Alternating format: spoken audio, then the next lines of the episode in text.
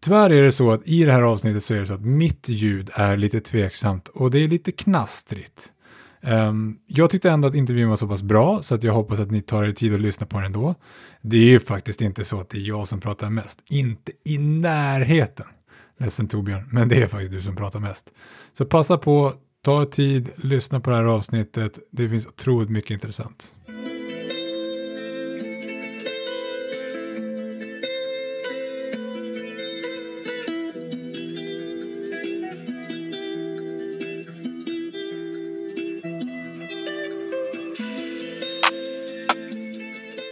Okej, nu sitter vi här en söndag eftermiddag eller förmiddag. Det är strålande väder, men ändå får jag sitta här inne och prata med min vänliga gäst som ändå ställer upp.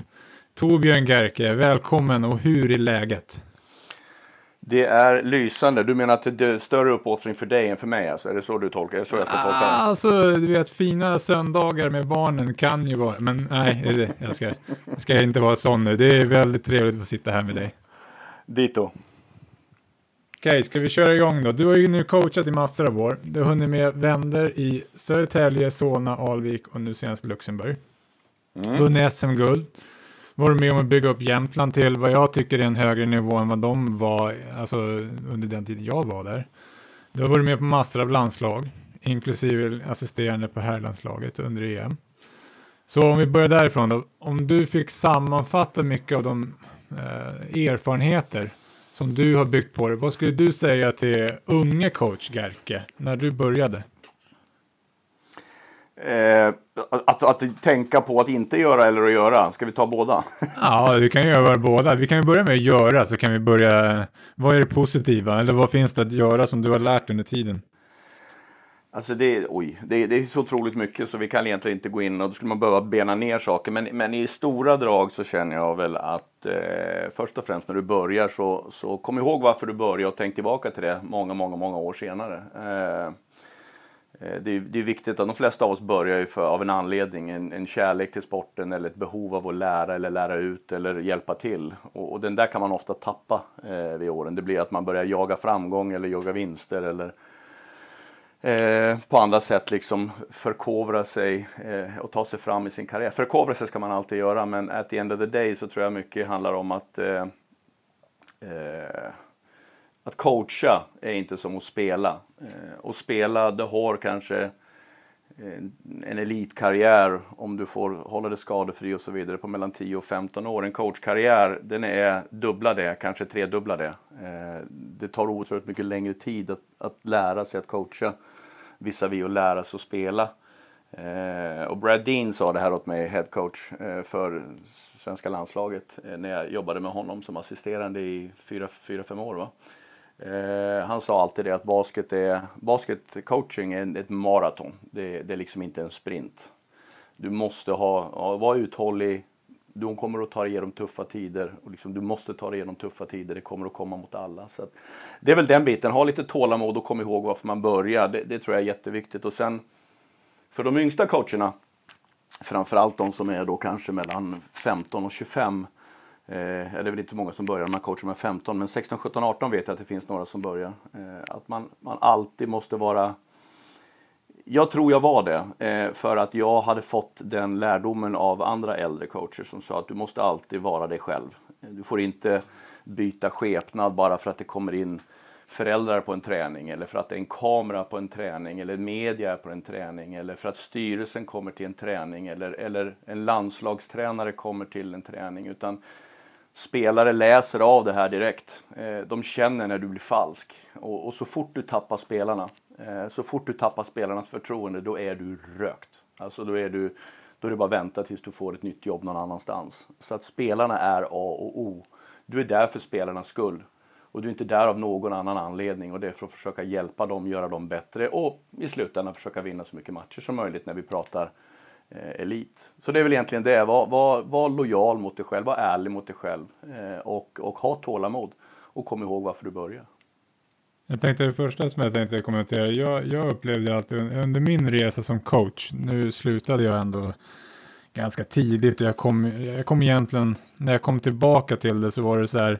När jag var yngre så var det alltid så här, jag ville alltid hitta det där vinnande spelet eller den där taktiken eller den där playet, alltså som, som fick mig att vinna den där matchen på något sätt. Och ju mer, ju äldre jag blev, ju mer jag lärde mig och speciellt när jag fick barn så var det någon som jag fick perspektivet att att det där var inte så viktigt. Det var mer, liksom som du säger, spelarna. Hur mår vi? Hur, alltså det blev det mer det mentala snarare än att det blev alltid bara just spelet. Hur ser du på det? Det, jag tror vi alla, alla vill ju bli, eh, vill ju få respekt. Eh, och alla vill ju bli omtalade. Jag menar, jag tycker Brad Stevens eh, i NBA-coachen, eh, han är ju alltså, skithäftigt att kolla på hans special plays och timeout plays och som vinner matcher och som avgör. Och det finns ju eh, jättemånga fler coacher som har spel och så. Det är klart att man vill ha det. Alla vill ju någonstans, ja men det här var en coachseger och han den som säger att man inte, att man inte tycker att smicker eller, eller positiv feedback eh, lyfter ens ego, den personen vill jag nästan påstå ljuger. sen, sen, sen får det aldrig gå, gå över, utan det är precis som du säger, när du sa hur mår vi? Ja, det är ju ett tecken för mig på att du har jobbat som, som, som coach. För det handlar inte bara om hur mår spelarna. Det handlar inte bara om hur mår jag. Utan det handlar om hur mår vi? Hur är symbiosen mellan oss? Och, och liksom förstår det att bra beslut tar man när man mår bra eh, och dåliga beslut tar, tar man när man mår dåligt och då gäller det samma sak. Bra beslut tar vi när vi mår bra och dåliga beslut kommer vi att ta när vi mår dåligt. Och jag tror att det är jätteviktigt tror jag att, att, eh, att man hela tiden håller fokus på att vi, vi ska må bra, vi ska ha roligt, vi ska försöka bli bättre samtidigt som vi mår bra och har roligt. Men det är klart att en 5 10% 8 kalla det vad du vill, måste man ju få vara lite ego och ha det här vinnande spelet eller en timeout i slutet av en match. Jag menar, killarna, grabbarna eller tjejerna som sätter skotten i slutet, de kommer få massor med cred. Varför skulle inte en coach vilja vara den som ritar upp spelet till spelarna som när de fick det öppna skottet? alla måste väl få, få oh ja. liksom känna att man är en vinnare. Absolut. Om jag bygger vidare på det, finns det något exempel på när så här, vi pratar om att vi ska ha det roligt? Uh, är det någonting som du gör konkret? Uh, har du något exempel från karriären? Jag tänker så här, men jag måste lyfta laget ändå. Vi kanske är i en svacka. Ja, men det gör man ju hela tiden eh, och försöker hitta liksom och, och, tänka smartare, tänka större än vad man är själv. Liksom, nu vill jag försöka vara den här. Jag, jag, jag ser ju att coach, coachyrket, eh, eller tränaryrket, det finns ju, beroende på vem du pratar med, så kallar de det för olika saker. Eh, jag brukar säga att när du är coach så innefattas det av tre saker. Det ena är tränar, tränarbiten, det man gör på träning. Det andra är coachbiten och det är väldigt mycket hur du styr matcher och, och, och, och, och tränar inför matcher, just det här coachtänket. Men sen har du också ledarbiten. Och det som du pratar om just nu, det handlar ju mycket om, om ledarskapet eh, och ledaren i det hela. Och det, det, det är ju så otroligt viktigt att hitta nycklar och det skiljer sig från varje år. Jag menar, jag har ju små saker som jag plockat upp eller som spelarna har berättat för mig. Det är inte så att jag sitter hemma på sängkammaren och kommer på att ja, nu ska vi göra det här, för det här tror jag kommer vara. Utan ibland kommer man in och, och är liksom eh, väldigt easy going och, och, och, idag kör vi lite fotboll som uppvärmning eller lite innebandy eller vi, vi skiter i träning idag. Det, vi, liksom, vi, vi, vi, eh, vi, går, vi beställer in tio pizzor och, och, och liksom eh, och lite cider, alkoholfri. men, men i, i slutändan så, så, tror jag att man måste hitta det som passar för gruppen. Vissa grupper känner ju liksom att nej men nu vill jag jobba nu vill vi liksom, okej okay, nu tävlar vi inte, men nu kan vi gå igenom allting vi har och vara väldigt, väldigt, väldigt specifika i att titta på eh, hur det här funkar och så vidare. Så att man måste någonstans, sen behandlar du ju spelare olika. Alltså, jag kommer ihåg när, jag kan dra en historia från när jag började coacha och jag gick min första utbildning. Och vi, vi, vi är back in the days nu, nu går vi tillbaka till 2004. Eh, då jag hade en, en, min kapten i laget. Eh, I Södertälje var jag då. Eh, Peter Teis, min eh, point guard. Eh, och vi satt i omklädningsrummet efter en match och jag gick ju Nej, det var halvlek och jag gick fullständigt bananer av någon anledning. Jag var så förbenad och skrek och gormade och, och, och liksom Peter satt och stirrade i backen.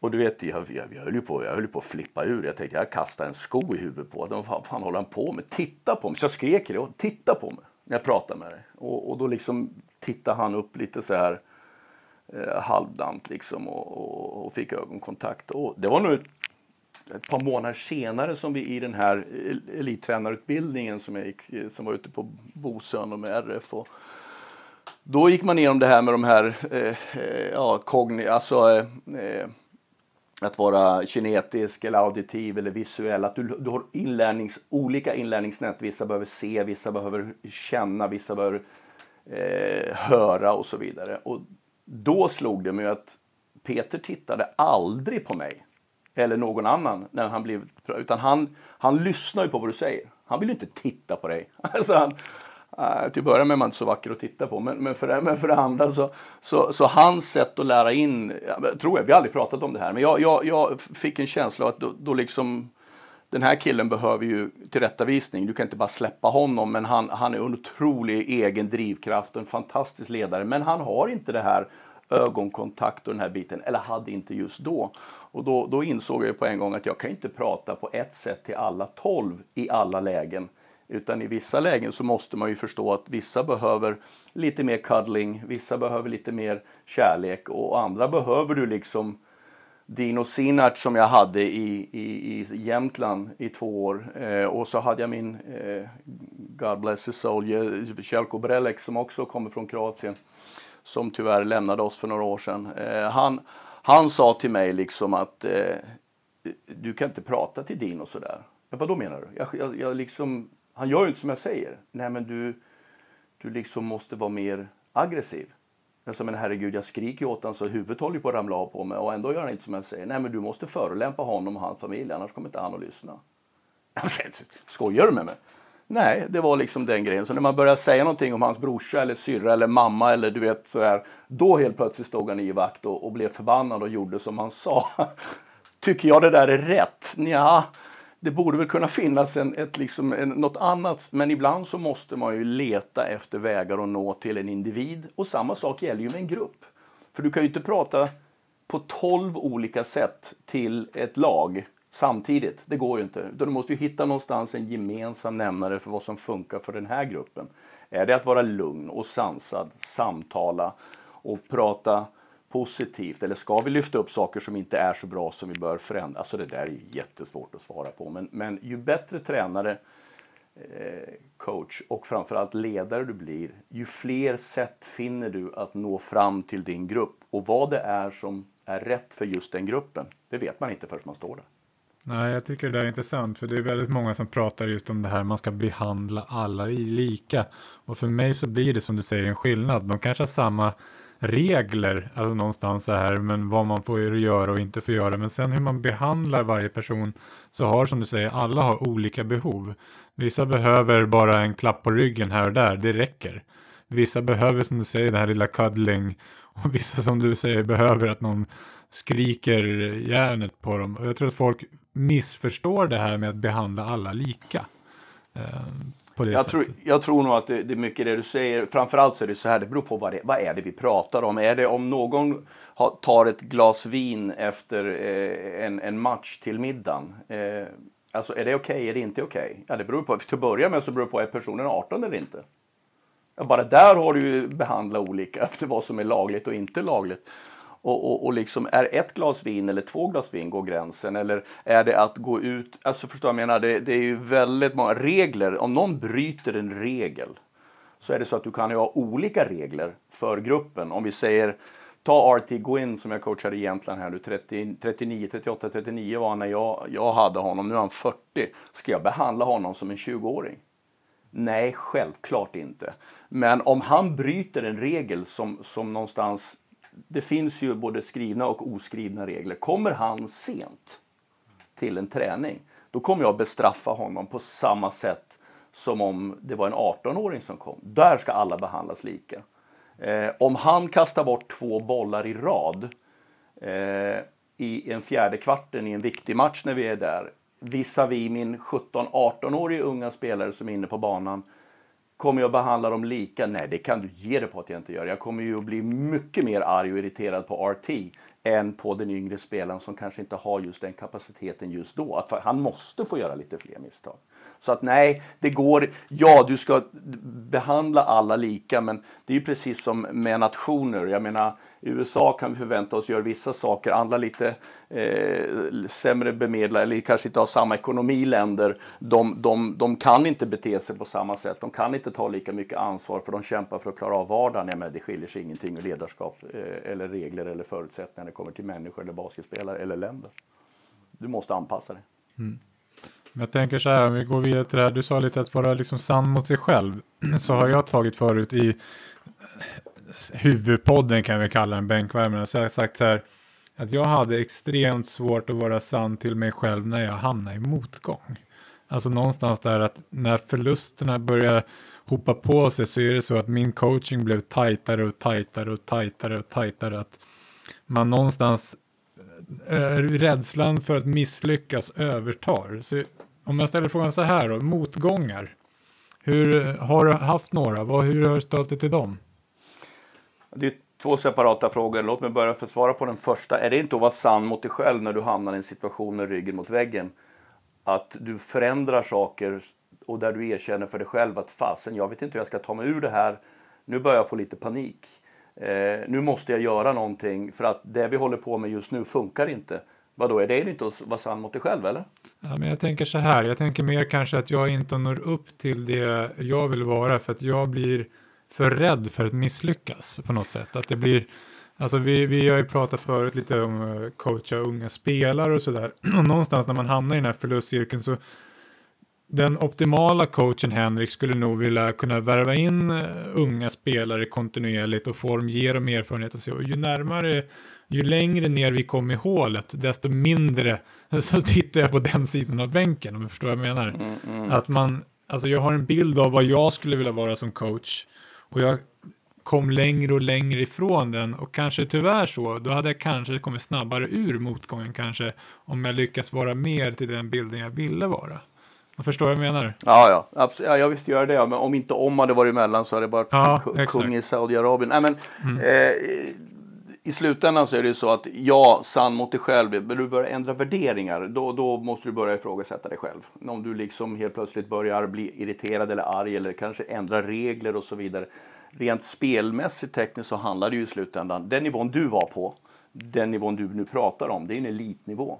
Ditt jobb står ju på spel din inkomst, mat på bordet och, och hyra till familjen. Det är klart att man blir pressad och tar, sitt, tar beslut som man, som man i, inte riktigt vet i förhand om skulle komma för att du inte varit i den situationen innan kanske.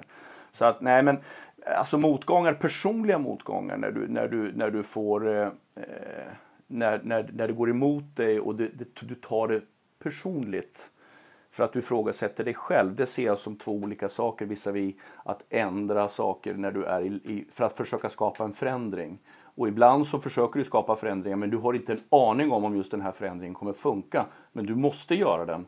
Du kan inte bara sitta och gå på i samma spår hela tiden. Inte ibland ens när det går bra. Det finns ju ett uttryck i USA där de säger even if you're on the right track, if you just sit there you're gonna get run over. Eh, det är ju lite grann så att du måste ju hela tiden vara förändring både i med och motgång. Men Motgångarna tror jag, jag personligen eh, av motgångar, har jag haft några? you bet your ass. Alltså det har varit eh, långa stunder av motgång och, och då den här mantrat från, från Brad Dean har ju kommit många gånger. Det är ett maraton, det är ett maraton, det är lugnt, du har tid, det här kommer lösa sig. Men, men framförallt så är det så att jag har lärt mig mer av mina motgångar eh, långt efter de hände. Man lär sig inte så mycket, upplever jag, eller jag ska säga så här, jag lärde mig inte så mycket av mina motgångar just då. Man var för mycket i stunden så var man i, i affekt. Eller allting var jag för ung eh, och för oerfaren. Så att eh, nu i efterhand har jag insett att, att mina motgångar till 90 procent 85, 82, 93. Jag har inte gjort någon studie på det, men min känsla är att 90 procent av mina motgångar, det, det, liksom, det har berott på material och förväntningar. Eh, antingen har du, alltså, och samma gäller framgång. Det vill säga att när du har ett, eh, ett, ett, material där förväntningarna är att det ska gå bra och du inte motsvarar förväntningarna. Då, det är då kritiken kommer, både mot dig själv och mot laget och alltihopa. Eh, men många gånger så är det så att materialet kanske inte var så bra som förväntningarna. Och samma sak tvärtom då. Ibland har du ett mycket bättre material än förväntningarna som ställs på dig. Och då har du ju framgång. Så att, jag menar, jag kan inte veta. Jag, när jag tänker tillbaka de sista 20 åren i ligan, hur många lag, om vi pratar guld nu då, hur många lag i ligan, hur många lag har vunnit guld som inte hade ett av de bästa lagen? Alltså hur ofta händer det? Det, alltså, det händer ju inte. Eh, jag, kan, jag kan minnas ett på rak arm. Eh, ett och ett halvt, vill jag säga, lag de senaste 20 åren som har vunnit ett guld som inte hade ett av de bästa lagen. Och nu får vi backa jättelänge. Eh, och då har jag hängt med sedan den här tiden. Men det, vi pratar alltså, om det var 01 eller 02 kan jag inte svara på, men det är så långt bak. Jag kommer ihåg när 08 Stockholm, eller om de hette 08 Alvik Stockholm på den tiden, kommer jag inte ihåg. När vad heter David Vischer hade det laget. Kommer du ihåg det här eller var du för ung då? Jag kommer ihåg lite grann. Mm. De hade tre riktigt, riktigt duktiga spelare i, i, i pappa Ludde Håkansson, Olle Håkansson. Eh, de hade Gene Neighbors en guard och så hade de Landry Kosmalski. Och sen hade de Jonas Arsjö och de hade, de hade jättemånga rollspelare duktiga men de hade tre lirare. That's it. Och sen hade de ett gäng med, med supporting cast och gjorde ett fantastiskt jobb och, och vann tror jag då mot Plannja i en final. Eh, och, och sen dess, när jag tänker och tänker och tänker och bygger, och, alltså de här lagen som har vunnit sen dess, de har alla haft riktigt bra lag. Det finns ett undantag, det var faktiskt alldeles nyligen. Och det var faktiskt Adnan Chuks lag, Norrköping. De hade ett jätte, jättebra lag, men de hade ju halva laget skadat. Men de hade fortfarande en väldigt, väldigt bra första femma och så vidare. Men min poäng är den att när du får motgångar så är det ofta yttre faktorer som, som, som liksom eh, inte har eh, liksom, klickat. Sen kan det ju vara så att du är dålig ibland. Jag menar, det kan ju faktiskt vara så att du inte är särskilt duktig coach. Och jag menar, då får man motgångar och det får du som spelare också. Men eh, ja, när vi, när, om vi ska relatera till motgångar, men hade jag varit yngre i en sån här situation eh, när man exempelvis, som jag blev så här politiskt korrekt, så har jag blivit eh, utköpt ifrån mitt kontrakt eh, med över halva säsongen kvar eh, ifrån Luxemburg då. Eh, och det är klart att det skulle man kunna, hade jag varit yngre så hade det varit jättejobbigt. Å andra sidan så, jag ser ju det väldigt tydligt att det, de förväntningarna som sattes på det här laget eh, utifrån den information som jag hade fått med hur bra de här lo eh, lokala, nationella spelarna skulle vara har visat sig inte alls kunnat leverera eh, till den nivån som man hade förhoppningar på och jag hade förhoppningar på, vilket har gjort att resultaten ligger inte i paritet med förväntningarna. Är det mitt fel eller är det spelarnas fel? Är det klubbens fel? Ja, sanningen är ju att det är en symbios. Det är ju allas fel att, jag menar, jag har min del, spelarna har sin del, klubben har sin del. Här har man överst i viss mån underpresterat i viss mån och det gäller ju även mig. Så att i slutändan så blir det så att man, man får någonstans Blanda aldrig ihop igen, som jag sa, det här med, med eller som vi pratar, själv, själv, självkänsla och självförtroende. Eh, det är jätteviktigt att man skiljer på faktiska saker som händer och är det här mitt fel? Och är det, jag, menar, jag vet att jag vet vad jag håller på med. Sen att det kanske inte funkar i en viss grupp utifrån förväntningar och så vidare. Det, nej, men nu, nu lossköpt och eh, vad heter det, är hemma. Så att nu hinner jag satsa på herrar, herrar U16 och titta på de grabbarna innan vi ska dra igång i sommar. Så det ska bli väldigt spännande. Ja, men om, om vi tar då, det, det blir ju nu sorts hantering av motgång som du säger. Man kanske inte tar Alltså ta alla de här faktorerna. Vad, vad tänker du i nästa steg sen då?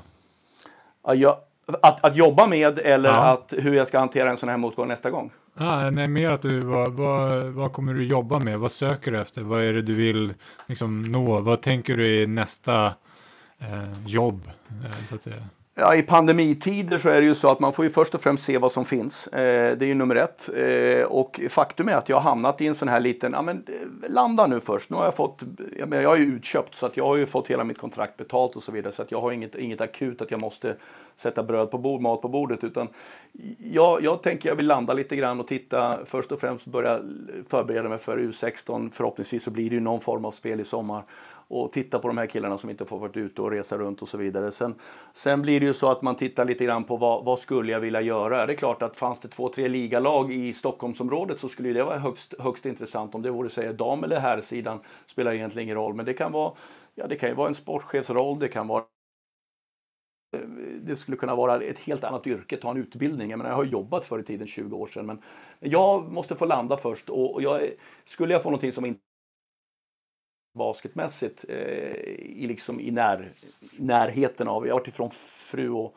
fru länge nu, liksom hon har fått pendla till Östersund i sex år och jobbat nere i Stockholm och så vidare. Så att, äh, jag, ingen panik just nu, jag avvaktar och ser, väntar över eh, maj, juni, juli. Och sen i augusti, då, då kommer jag nog vara tvungen att ta något beslut beroende på vad som har dykt upp. Men hade jag varit 30, då hade jag haft toksvettningar nu. Mm. Eh, nu har jag svettningar för att man är äldre. Men inte panik, utan det är vad det är och, och eh, motgången hade jag nog tagit mycket hårdare om man någonstans inte själv hade insett att solen snurrar faktiskt inte runt coachen. Det, det är inte bara coachens Alltså, alltså vad coachen levererar, utan det är spelarna som vinner matcher och det är oftast coacherna som förlorar dem.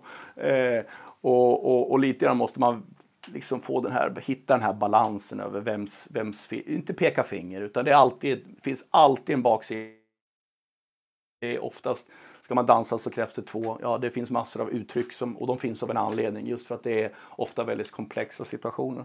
Men jag älskar basket fortfarande. Jag har eh, ett enormt driv eh, och det har jag ifrån att jag har spelat och jag har älskat sporten och, och att jag älskar att vinna och jag hatar att förlora. Och, och jag har svårt att se att jag ska kunna gå och sätta mig på ett kontor och liksom försöka vara social och hitta konsensus. Och, ja, men vad tycker du? Liksom, vad, vad känner du? Jag, jag är mer inne, inne i det här fortfarande med att och liksom vinna och vinna och vinna och vinna och, och, och kämpa och, och liksom göra bra resultat och bra prestationer och förlora. Ja, förlora med en poäng mot det bästa laget när du har det sämsta, det är en vinst ändå på ett sätt.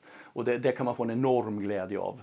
Det är mycket skönare att förlora med ett poäng mot det bästa laget när du är det sämsta laget. Vissa vet förlora med 40, 47. Då mår man inget bra. Så att man kan hitta sådana här saker överallt. Och, ja, vi får se. Vi, vi, vi liksom nu, söka eller leta någonting utan nu, nu har jag fokus på mina har fått förmånen att jag har betalt under en ganska lång tid vilket gör att jag har fokus att kunna stötta eh, och, och, och under de här pandemitiderna och ge de här unga grabbarna en möjlighet att åka och titta på dem. Jag hade ju motgångar i, eller motgångar, det gick inte så bra under en period på nästan sex år i rad. Alltså där det var riktigt, riktigt, riktigt jobbigt. Eh, då jag inte fick något och då liksom mitt namn försvann. Det var liksom inte aktuellt någonstans, vare sig för klubbar eller jobb eller, eller någonting kändes det som. Och sen, eh, sen vände det på en säsong bara pang sa det så, så, så kom liksom i stort sett allting tillbaka. Så att, det var... du, måste ju, du måste ju säga vilka ungefär när och vart. Ja, ja visst kan jag göra det. Eh, det började tyckte jag om vi, om vi börjar med upplägg. Jag var i Södertälje mellan 2000 eh, mellan 2002 till 2010 eh, och sen hade jag ett litet avbrott där när jag var iväg och jobba. Min fru var iväg och jobba och jag var hemma pappa och följde med. Eh, men 2007 till 2010 så kom jag tillbaka till Södertälje och det som förändrades från, från mig, för Södertälje var ju alltid då ett semifinallag och potentiellt finallag. Jag tror vi, vi åkte ut i semi, kvart, kvart och då tänkte jag att nu kommer jag få sparken snart. Så att, nej, nu räcker det för mig. Jag har varit här länge nu. Det är bättre att jag går innan, innan de måste skicka mig. Eh, och eh, då flyttade jag till Solna och då var det utslaget två år i rad i kvartsfinal. Och det var inte riktigt vad de hade förväntat sig. Och sen efter det fick jag inga jobberbjudanden överhuvudtaget. Och då fick min, min, min moderklubb då, Alvik, eh, eller moderklubben, på elitnivå ska vi kalla det för. Min moderklubb egentligen Köping, det var där jag började spela basket way back when. Men eh, Alvik då och via gamla vänner och kontakter och folk som hade varit med när jag själv var spelare i Alvik så, så var jag där i två år. Och det gick ju bra för laget och, och, och, jag jobbade lite grann som sportchef och lite grann som ja, eh, hjälpte till i klubben när vi inte Orkan Berktan flyttade på sig upp i förbundet. Men, eh, och började jobba där istället för en klubb, klubbdirektör. Då. Eh, och då hade vi också två år som var sådär, jag gick i en ökenvandring kändes det som. Sen åkte jag upp till Jämtland efter det. Nu pratar vi alltså 2 plus 2 plus 2. Solna, Alvik, Jämtland. Och du vet ju hur det gick för mig uppe i Jämtland de första två åren. Alltså att jag inte fick sparken då, det är för mig ett enigma. Alltså, och hade jag fått sparken då, då tror jag att jag hade varit körd. Då, då, alltså jag tror inte jag hade kommit tillbaka. Eh, men tack vare styrelsen och liksom deras inställning och att nej, men vi måste försöka vara lite långsiktiga. Vi har bytt för mycket. Nu måste vi tänka lite längre framåt. De har unga spelare. De har haft lite skador. Vi, vi kör ett år till. Och sen kom det här året då, 16-17, eh, då liksom allting bara vände. Och då kan man väl säga så här, jag har en enorm tacksamhetsskuld till Jämtland för att jag överhuvudtaget är den jag är och har, det, har de möjligheterna jag har nu. Men man kan nog också ställa sig frågan, hade Jämtland varit det man är idag om de inte hade haft tålamod att behålla mig ett år till? Eh, jag tror jag passade in väldigt bra i, i just det läget som Jämtland var i. Lite uppstart, började växa, liksom det här med kommunikation och snack utåt, unga spelare. Symbiosen var väldigt bra. Sen, sen hade man ju förstås alltid en jäkla tur att ha rätt människor runt omkring sig. Styrelsemedlemmar som kom och gick och in och ny tillverkelse, nytt, en ny arena. Eh, allting det där kom ju. Det, det brukar vara så. Ju, ju, ju hårdare du jobbar, ju mer tur har du. Va? Eh, men det är väl de motgångarna, alltså sex år, det var... Jag var, det var, jag, jag, alltså jag var, det var tufft, jättesvårt. Jag har varit riktigt, eh, riktigt deprimerad och riktigt så här, eller deprimerad, jag var rädd. Jag, jag var rädd. Jag kände liksom, vad händer nu om det går illa? Liksom, jag, jag kommer ju aldrig få jobba igen. Jag kommer ju liksom inte, hur ska det här gå? Så du vet, det är den, den, situationen tror jag inte jag skulle hamna i nu. Nu har jag blivit för, jag ska inte säga för gammal, för det tycker jag inte att jag är. Men, men däremot eh, man har fått så mycket erfarenhet att man är mycket lugnare nu när det går bra eller dåligt. För ofta så är det så att förväntningarna kanske inte riktigt överensstämmer med verkligheten. Eh, för att jag tror att jag har bevisat att jag har åtminstone hyfsad koll på hur man gör det här. Eh, så det är klart att jag också påverkar negativt. Ibland så blir resultaten sämre på grund av att jag gör något fel, men ofta så kan det också, och brukar ofta vara så att resultaten inte blir på grund av att föreningen eller spelarna kanske inte levererar det de borde göra. Så att det här är ju upp och ner. Ja, jag tycker det här med långsiktighet är någonting som är väldigt intressant. Jag har ju själv varit i Jämtland och jag upplever som du sa att du blev ju på något sätt den mest långsiktiga lösningen de hade haft. Eller, nu kan inte jag. Det finns säkert någon eh, Jämtland eller Östersundare som kommer att säga så här. Ja, men på den. Uh. Men på senare sikt så är det så här. Det var många ettårslösningar. Eh, jag var ju själv ett ett och ett halvt års lösning i princip. Ehm, jag tror det här med långsiktighet är väldigt intressant och just nu så ser man om jag tittar runt i ligan så ser jag flera långsiktiga lösningar. Jag ser att Mikko Rippinen skriver på flera år, Adnan har ett par år, Ludde har, alltså det börjar, tycker jag, visas en respekt mot coacherna genom att se lite mer långsiktigt. Hur ser du på det? Jag tror nog klubbarna har kommit till insikten med att då jobba med, eh, jobba med en coach som är under pressen av ett ettårskontrakt. Han kommer inte att ta beslut som ger eh, resultat om ett och ett halvt eller två år. Varför skulle han göra det? Han måste ju vinna nu för att vara kvar och det tror jag liksom att klubbar förstår. Men så tror jag också att det blir en, en, en känsla av att, för att det här med att vara långsiktig, alltså det är ju double-edged sword, alltså ett tvåeggat svärd. Det blir ju lite grann det här med att, jag menar om den här tränaren, vi inte tror på honom, varför ska vi då vara långsiktiga?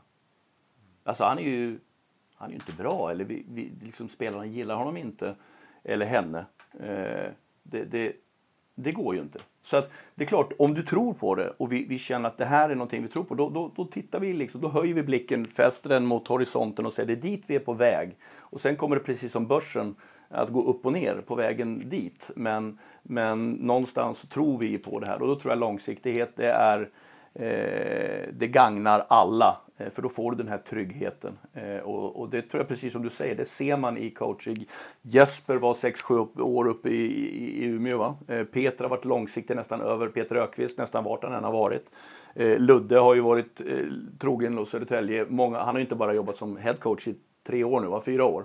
Utan fyra är det väl, fyra, fem kanske till och med. Fyra. Så att, eh, och Mikko har fått och Adnan. Så att ja, du ser ju en tendens till att, eh, och Henrik Svensson är väl inne på sitt fjärde eller femte var nere i, i Borås. Så jag tror att det här är någonting som de flesta klubbarna gärna skulle vilja ha.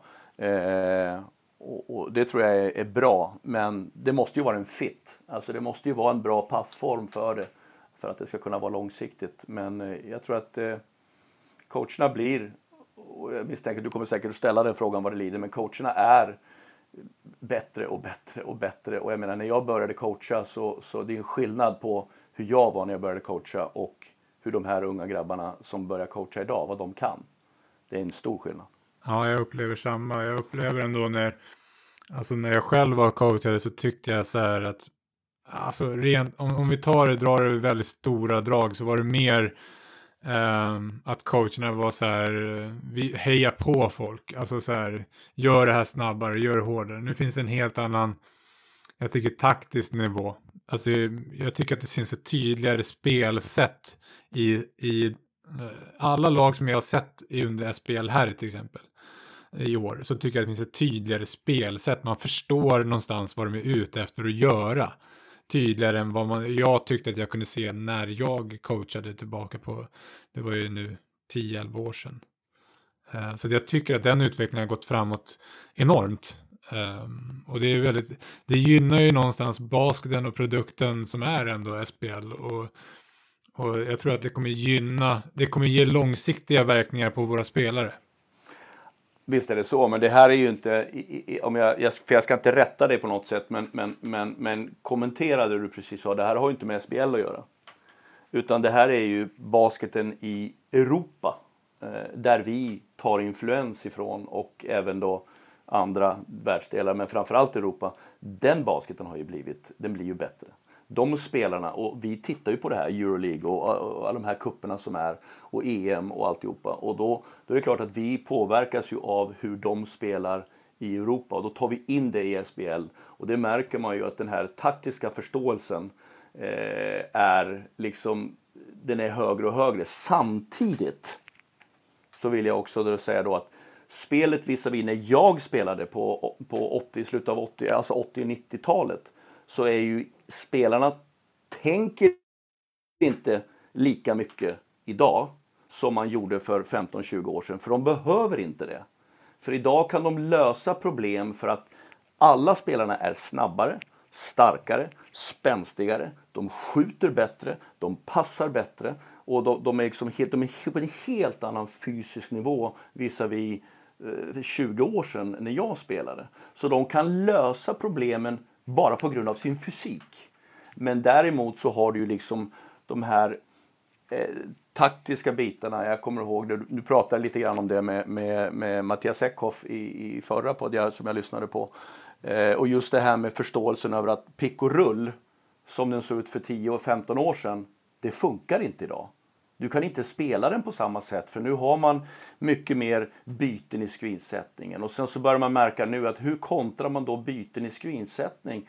Eh, ja, det gjorde man ju först, började man ju trippelbyta och du vet skickar du har en mismatch med, uppe på toppen, du får en stor spelare som försvarar på garden och då har du följaktligen en liten spelare som försvarar, försvarar på den stora där inne. Ja, då börjar man trippelbyta och switcha så att det kom hjälp ifrån andra håll och man börjar byta. Ja, vad gör man nu då när man, när man har insett först funkar inte pick och rull och så, så börjar man byta och ja, nu börjar du med det här slipscreen. Alltså nu börjar de låtsas som man sätter en screen och precis innan man kommer till det läget där man vill byta, då drar den här snubben iväg helt plötsligt. Så nu blir det väldigt, väldigt komplicerat och svårt att göra en defensiv taktik. För det, det, alltså spelarna är så snabba och så rörliga och du har en Alltså jag har ju sett, det händer ju hela tiden att en etta, tvåa eller tre, om vi pratar från ett till fem point guard till center och vi använder de här klassiska som jag tycker mer och mer försvinner. Men vi, vi använder det här nu bara för att göra en make a point. Att en etta brukar ju vara den som spelar pick och rull för 20 år sedan. Nu har man tvåorna och treorna som också spelar pick och rull och har bollen i sina händer och så får de en screen av fyran och femman som ska vara de stora spelarna. Men nu ser du ju mer att inte nog med att fyran och femmorna poppar och börjar skjuta treor efter screen istället för att rulla. Utan nu har du dessutom fyran och femmorna som har bollen. Och så kommer det en trea eller en fyra eller ibland till och med en två eller etta och sätter screen på centern. Jag menar, hur många har tränat på det? Alltså det, det här är ju, basketen blir ju bara mer och mer komplex på grund av att spelarnas kapacitet, fysiska kapacitet och tekniska kapacitet blir ju bara bättre och bättre och bättre. Och därför måste coacherna hänga med. Och det ser man tror jag just att alla de här bitarna som sker ute i Europa, coacherna tittar ju på det här, de ser ju det här och lyssnar då säkert på poddar och Youtube och sånt.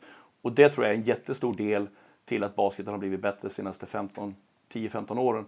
Och det är för att tillgången till information, eh, just det här med eh, online clinics och, och liksom en timme, en halvtimme, 15-20 minuter, special place. Till, alltså, tillgången är ju obegränsad. Det, det, allting finns ju på nätet. Mm, verkligen. Om vi gör så här, om vi går vidare till och vi tänker så här, men om du då nu får ett lag. Eh, jag förstår att det kanske blir skillnader utifrån att om du har ett elitlag eller du har liksom ett högre ungdomslag eller något sånt där. Men om vi tänker så här, din filosofi, vad tänker du när du tar över ett lag? Vad är grunden? Vad, vad skulle du säga för en, till en coach som ska ta över ett lag idag? Vad skulle du ge för tips? Det beror på hur, hur, ung den coachen är och vad det är, som du säger, vilken nivå du är på. Men, men generellt sett så kan jag ju egentligen bara säga så här då att min erfarenhet är den att när man är ung, och då menar jag de första tio åren då du håller på att coacha. Eh, och det innebär inte alltså att du är ung i ålder, att du är 20, utan det kan vara så att du är 30 eller 35. Men du är ung som coach, du är i början av din coachkarriär. Så inför man ofta sin filosofi på laget och spelarna. Och, och, det förstår jag att man gör. För man har en filosofi, man har ofta den filosofin som man själv har spelat eller haft coacher som har visat den. Eh, och de spelarna eh, har ju en fördel, de som har spelat. Eller de som har gått som assisterande i tio år innan de själva blir headcoach, men då är de ju inte färskingar. Så att är du spelare så har du ju fördelen av en för detta spelare så har du fördelen av att ha haft många coacher och då sätter du ihop en egen filosofi. Eh, har du aldrig spelat och blir tränare utan att ha någon spelarerfarenhet eller inte gått som assisterande, då är det klart att det är jättesvårt. Vad är, då har du ju en väldigt, väldigt begränsad mängd kunskap att skapa din egen filosofi på. Men jag tenderar till att känna att de första åren så, så försökte jag anamma spelarna till min filosofi. Och det har jag förstått nu efter 20 år som jag har hållit på med det här att det är inte kanske det bästa. Utan du måste ju anpassa dig till vad har det här laget för styrkor? Vad kan de och kan de inte göra? Alltså det, det absolut, en av de absolut viktigaste som en coach, förutom det jag sa, det vi pratade om i början, det är just det att som tränare får du aldrig kräva någonting av en spelare som de inte kan. Alltså du får aldrig sätta kravet på en spelare för någonting som de inte kan leverera. Och det innebär, det är inte bara att dunka bollen. Ja, men jag kan ju inte coach. Ja, det skiter jag i, dunka. Alltså, det, det, det handlar ju om spelförståelse. Kan de slå den här passningen? Kan de se två eller tre saker samtidigt? Eh, så lägg inte ribban för högt. Eh, och sen är det ju så att hitta då vad som är... Jag hade en situation, exempelvis. Jag har ju bytt mitt, mitt spelsätt. Min ledarfilosofi är hyfsat intakt. Hur jag behandlar människor och spelare. Däremot spelfilosofin förändras ju eh, väldigt snabbt ibland. Och det kan jag ju säga att när jag kom som gammal spelare så hade jag mina coachers, de sista fem sex coacherna jag haft, så hade jag sparat mycket och tog med mig det jag gillade. Men jag ändrar ju radikalt mitt spelsätt halvvägs genom Jämtlandsåren. Och då pratar vi alltså efter 15 år som coach. Eh, och det här kommer säkert du ihåg eftersom du har en koppling till Jämtland och det var inte så jättemånga år sedan. Men vi hade ju en säsong 16-17, det är alltså, vad blir det snart, snart fyra år sedan. Då vi fick in en pointguard som hette Jabril Durham, som du kanske kommer ihåg. Eh, och det här var efter de här två åren då det hade gått riktigt illa där uppe. Då fick vi, samma år som Jabril var där, eh, så hade, fick vi Dino Sinac skada, vilket var min största och starkaste spelare. Och han blev skadad och skulle vara borta i eh, tre, fyra veckor tror jag det var. Och under den perioden visste jag att vi skulle spela sex matcher. Och det här är ju kört. Alltså jag hade, då hade jag Samuel Berkelund, en fantastisk spelare nu. Men, men, eh, och med fantastiskt menar jag då inte att han snårskårar 30 poäng och, och tar 18 returer per match, utan han har en enormt viktig roll i Södertälje som, som 56 gubbe och, och passa boll och spela försvar och ta retur och dra i bollen när han är öppen. Eh, men Samuel var hos oss, vad var han då? 18, 19 kanske, 19-20 på sin höjd. Han spelade 20-25 minuter helt plötsligt. Det var hans första säsong uppe i, i Jämtland, han var bara där ett år. Men vi skulle inte vinna en match och då sa vi liksom grabbar, vi måste springa. Alltså det kommer, det, vi, vi, vi, vi, kan inte spela halvplan med det här laget. Vi måste öka tempot på riktigt. Och Jabril Durham då, han, han hade ju någon sån här Speedy Gonzales mode som han inte hade slagit på och helt plötsligt så han bara slaktade liksom allt. Han sprang och gjorde Liksom, han fick ju bollen till andra sidan plan på tre sekunder. Han har en enorm förmåga att hitta den här outletpassen och alltid sätta sitt läge och ta emot bollen och bara pjup, dra ner till andra sidan. Vilket gjorde att försvaret, det är jättesvårt att spela försvar när du springer åt fel håll. Alltså, och det kommer en snubbe bakom dig. Eh, och, och, efter det så då vann vi fyra av sex matcher tror jag. Eh, som vi trodde nog att vi skulle gå 0-6 eller kanske 1-6 så vi vann, vart det 4-2 istället. Eller 1-6, 1-5. Vi, vi trodde att vi skulle vinna en eller två kanske. Vi vann fyra av de sex. Och sen kom ju då Dino tillbaka och då sa ju folk i Östersund, ja men nu, nu kommer det bli sämre igen för nu kommer de börja spela långsammare. Men det gjorde vi aldrig utan vi fortsatte ju att springa och fortsatte och då försökte jag 17-18, vilket var året efter, jag försökte bygga samma lag. Och året efter det och året efter det. För jag har ju ändrat spelstil utifrån vad jag tycker är roligt och vad jag tror att, vad vill publiken se? Och vad, hur vill spelarna spela? Och, och det finns ju, alltså, det fördelas väl 50-50 kan jag tänka mig. Vissa gillar mer den här taktiska, mer strukturerade basketen och andra tycker att det är eh, roligare när det går snabbt och att man tar snabba avslut och dunkar och treor i transition. Men sanningen är väl, att, man, att man, det bästa ligger någonstans mitt emellan och, och det finns väl några lag som jag tycker har lite grann det här mitt emellan fokuset. Eh, så att eh, jag tror ju där hitta hitta liksom vad är det ditt lag är bra på. Det tror jag är den viktigaste biten och inte försöka eh, kräva att de ska spela det du vill. För du är inte där för deras skull. Eller för det, förlåt mig, du är inte där för din skull. Alltså, du, du är där för deras skull. Din uppgift är att få ut så mycket som möjligt av det här laget. Innebär att du ska gå med bollen? Ja, men gå då. Innebär att bollen ska inside hela tiden eller att vi ska inte skjuta treor över huvudet. Ja, men gör inte det då. Utan försök då hitta det som är bäst för de spelarna du har. För det, det, din roll som tränare är ju att få ut maximalt av laget. Inte att spelarna ska kunna leverera det du vill. Jag menar, vi har ju ofta en sån här på oss själva, framförallt när man är lite yngre. Jag har ju insett ganska tidigt, vill säga efter 3, 4, 5, 6 år jag coachade så insåg jag att min framgång är till 100, nej, till 90 procent, igen tillbaka till procent som jag inte har en aning om. Känslan är att till 90 procent så beror min framgång på mina spelares kapacitet och mentalitet och spel-IQ. Alltså jag är helt bakbunden till att mina spelare kan leverera. Jag tycker det är intressant det där, för just det här du pratar om att man gör en förändring Eh, jag vet inte vad jag har hört uttrycket, jag vet inte, jag kanske mördar det här uttrycket någonstans, men någonstans har jag hört att necessity is the mother of inventions. Alltså att någonstans så är det så här att när man väl kommer till en situation där du kanske måste skapa en förändring så kan det leda till att du gör någonting annorlunda som du beskrev. Och det finns mängder av sådana exempel. Eh, jag tror att en av de mer tydliga som kanske varit framgångsrika på senaste åren, det var ju alltså the Golden State som egentligen är så här, Draymond Green var inte meningen att vara starter. Eh, men eftersom att eh, David Lee var skadad så var det så här, han slängdes in i den rollen och fan vad bra det gick. Och plötsligt så hade de någonting som de bara rullade med. Och förmågan att kunna vara flexibel ändå i sitt tänk och inte tänka att fan nu är David Lee skadad, nu är en av våra bästa spelare skadad. Utan att förmågan att kunna säga, ja men hur vänder vi här till någon sorts fördel, vad behöver vi göra? Det tror jag det blir en styrka i, i både coachen och laget och liksom, ja, vägen framåt. Där, nu pratar ju du, jag följer ju inte NBA tillräckligt mycket. Jag förstår ju vad du försöker säga, även om jag inte kanske kan historien bakom alla de här spelarna och inte följer inte NBA tillräckligt mycket. Men jag, jag hör ju vad du säger och jag tror att nu är vi tillbaka till det där som du sa från början.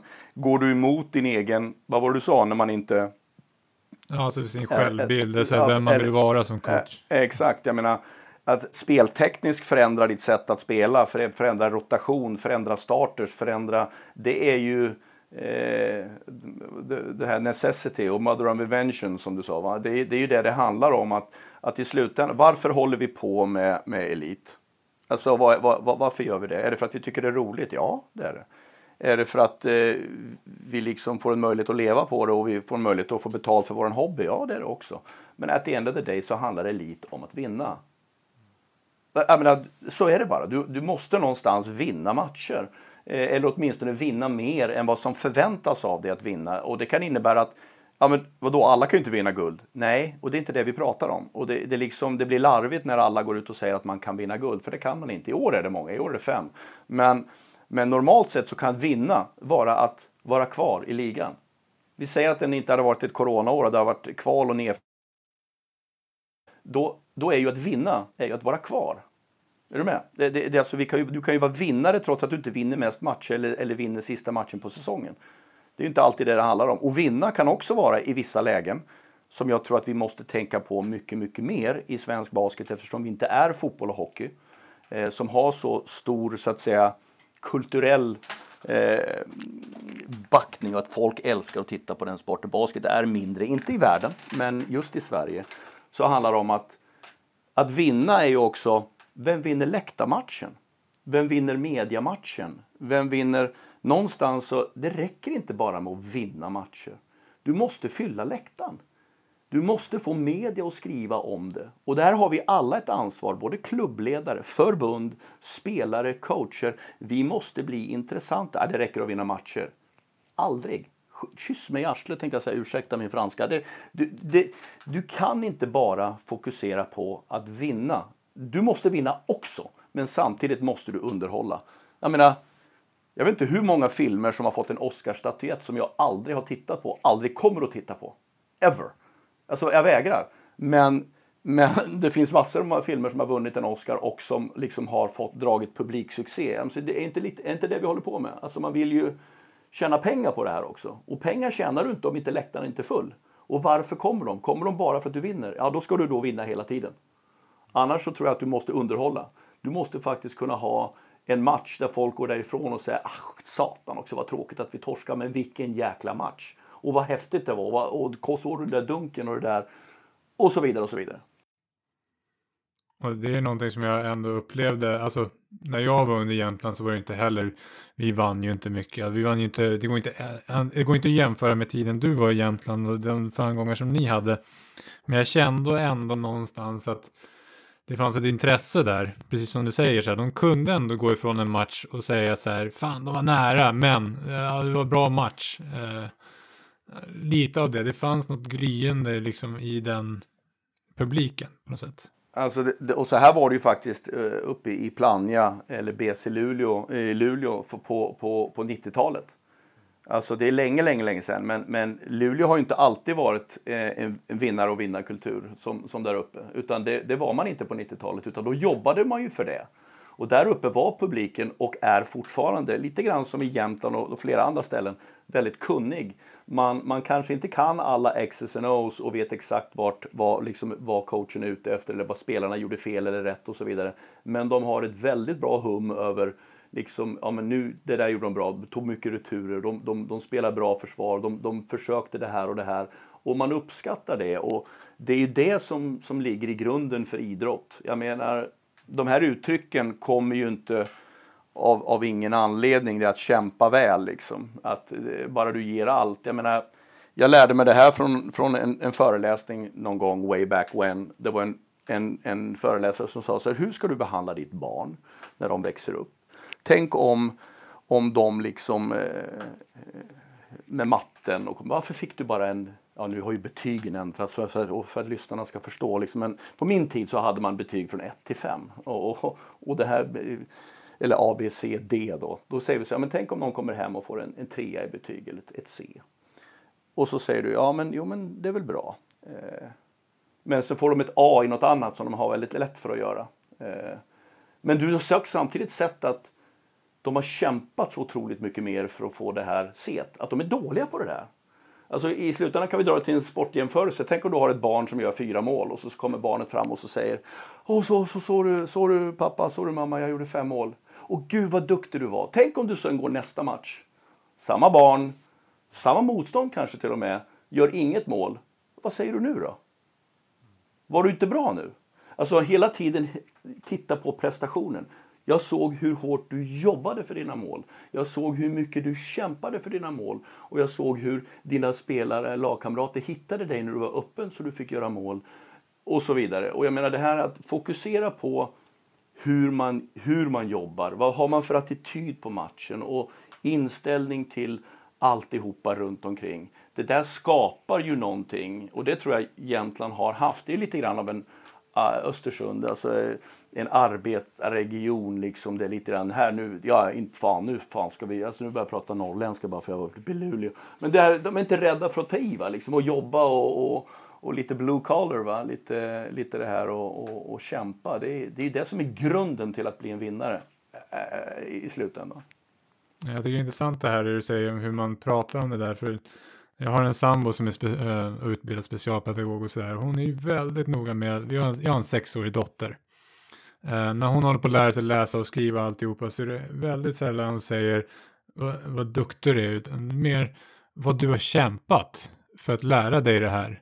Eh, för att bygga just den känslan av att ja, men om jag kämpar lite till eller och vi, vi pratar konstant om det just där, ja men du måste träna. Du måste träna på det här. Du blir inte bra på det automatiskt, du måste träna. Um. Och där har du ju en, en, en, yrkesperson, någon som faktiskt kan det här som vi sitter och pratar om här nu lite grann som allmänt. Och det, det, det här är ju en, det är en sanning. Jag menar, eh, vi behöver ju kanske bara anamma den på ett, på ett bra sätt. Jag menar, det är som din fru eh, säkert jobbar med också väldigt mycket. Det som du hör tusen föreläsare, men som, som pratar om det, men ingen lyssnar känns det som. De fattar inte. Alltså, jag själv har ett enormt problem, problem med att skilja på, på självförtroende och självkänsla. Alltså man blir någonstans sitt yrke, man blir sin idrott, man blir sitt jobb, man blir sitt skolresultat eh, eller man blir sitt utseende.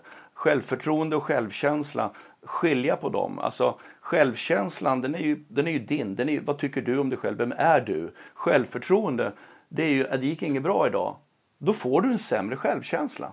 Det borde inte vara så, men det är så. Och när man lyssnar på föreläsare eller folk som pratar om det, så du måste skilja på dem. Jo men tjena, det är inte så lätt att skilja på dem. För att om jag har dåligt självförtroende för att vi förlorar matcher eller jag missar mina skott, då får jag också en sämre självbild och sämre självkänsla över vem jag är. Och det här att säga att så ska du inte göra, det är fel. Då, den personen borde inte få undervisa, den personen borde inte få vara en föreläsare. Alltså det går inte.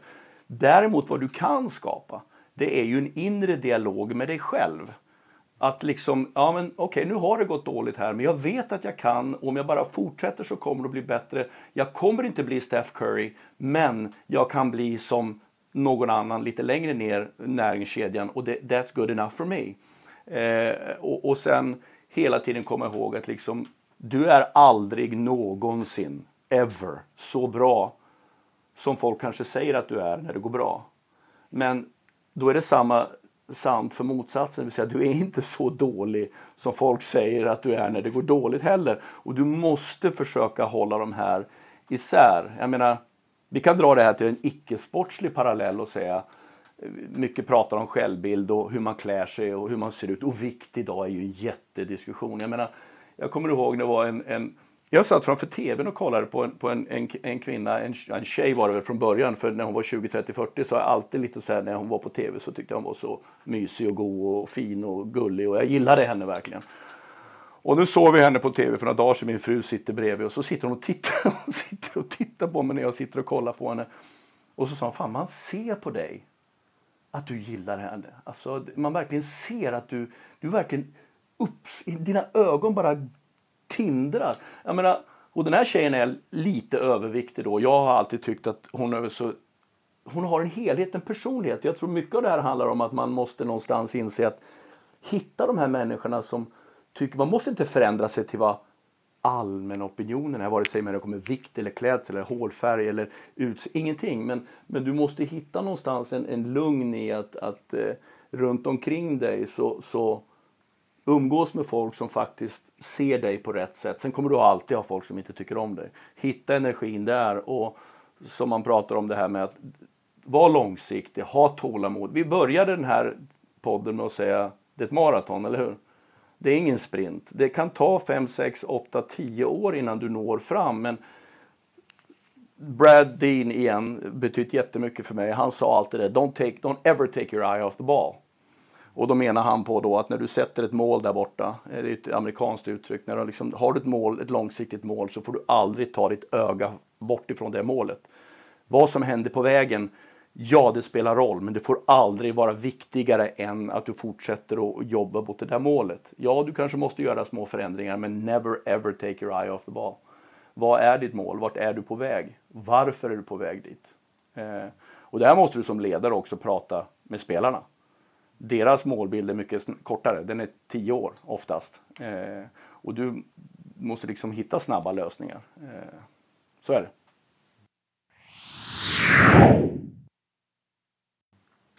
Okej, okay, jag tycker det är intressant att höra det här med, vi har, jag har väldigt mycket diskussioner hemma med min sambo just det här kring eh, ledarskap med unga. Liksom, vi pratar mer eh, prestation, då pratar vi mer vilken insats man har istället för liksom, vad resultatet blir. Precis det som du har varit mycket inne på. Men du är ju faktiskt en av dem som jag tycker har låtit unga spelare ändå spela under åren. Jag har varit kritisk till att Alltså, det är inte så många coacher som låter unga spelare komma in i rotationen och spela betydelsefulla minuter. Men jag tycker ändå att du har varit en av dem som gjort det regelbundet. Under i alla fall de senaste stoppen som jag kommer ihåg. Eh, hur ser du på det och hur, hur kommer det sig att du har gjort det? Först och främst så är det inte det senaste stoppet utan det är alla. Eh, ja. Men samtidigt så kan jag säga att jag tycker heller inte du har riktigt rätt. För att eh, det är inte riktigt rättvist. Eh, jag har haft väldigt många unga som har spelat och jag har en förkärlek till att spela unga spelare. Men jag har också haft förmånen och tillgången till unga spelare som faktiskt har varit bra. Alla har inte haft och alla coacher eh, och många föreningar har inte haft den förmånen jag har haft. Jag menar, de här unga spelarna som vi pratar om tror jag hade blivit bra, många av dem, oavsett om jag hade coachat dem tidigt eller inte och gett dem chansen.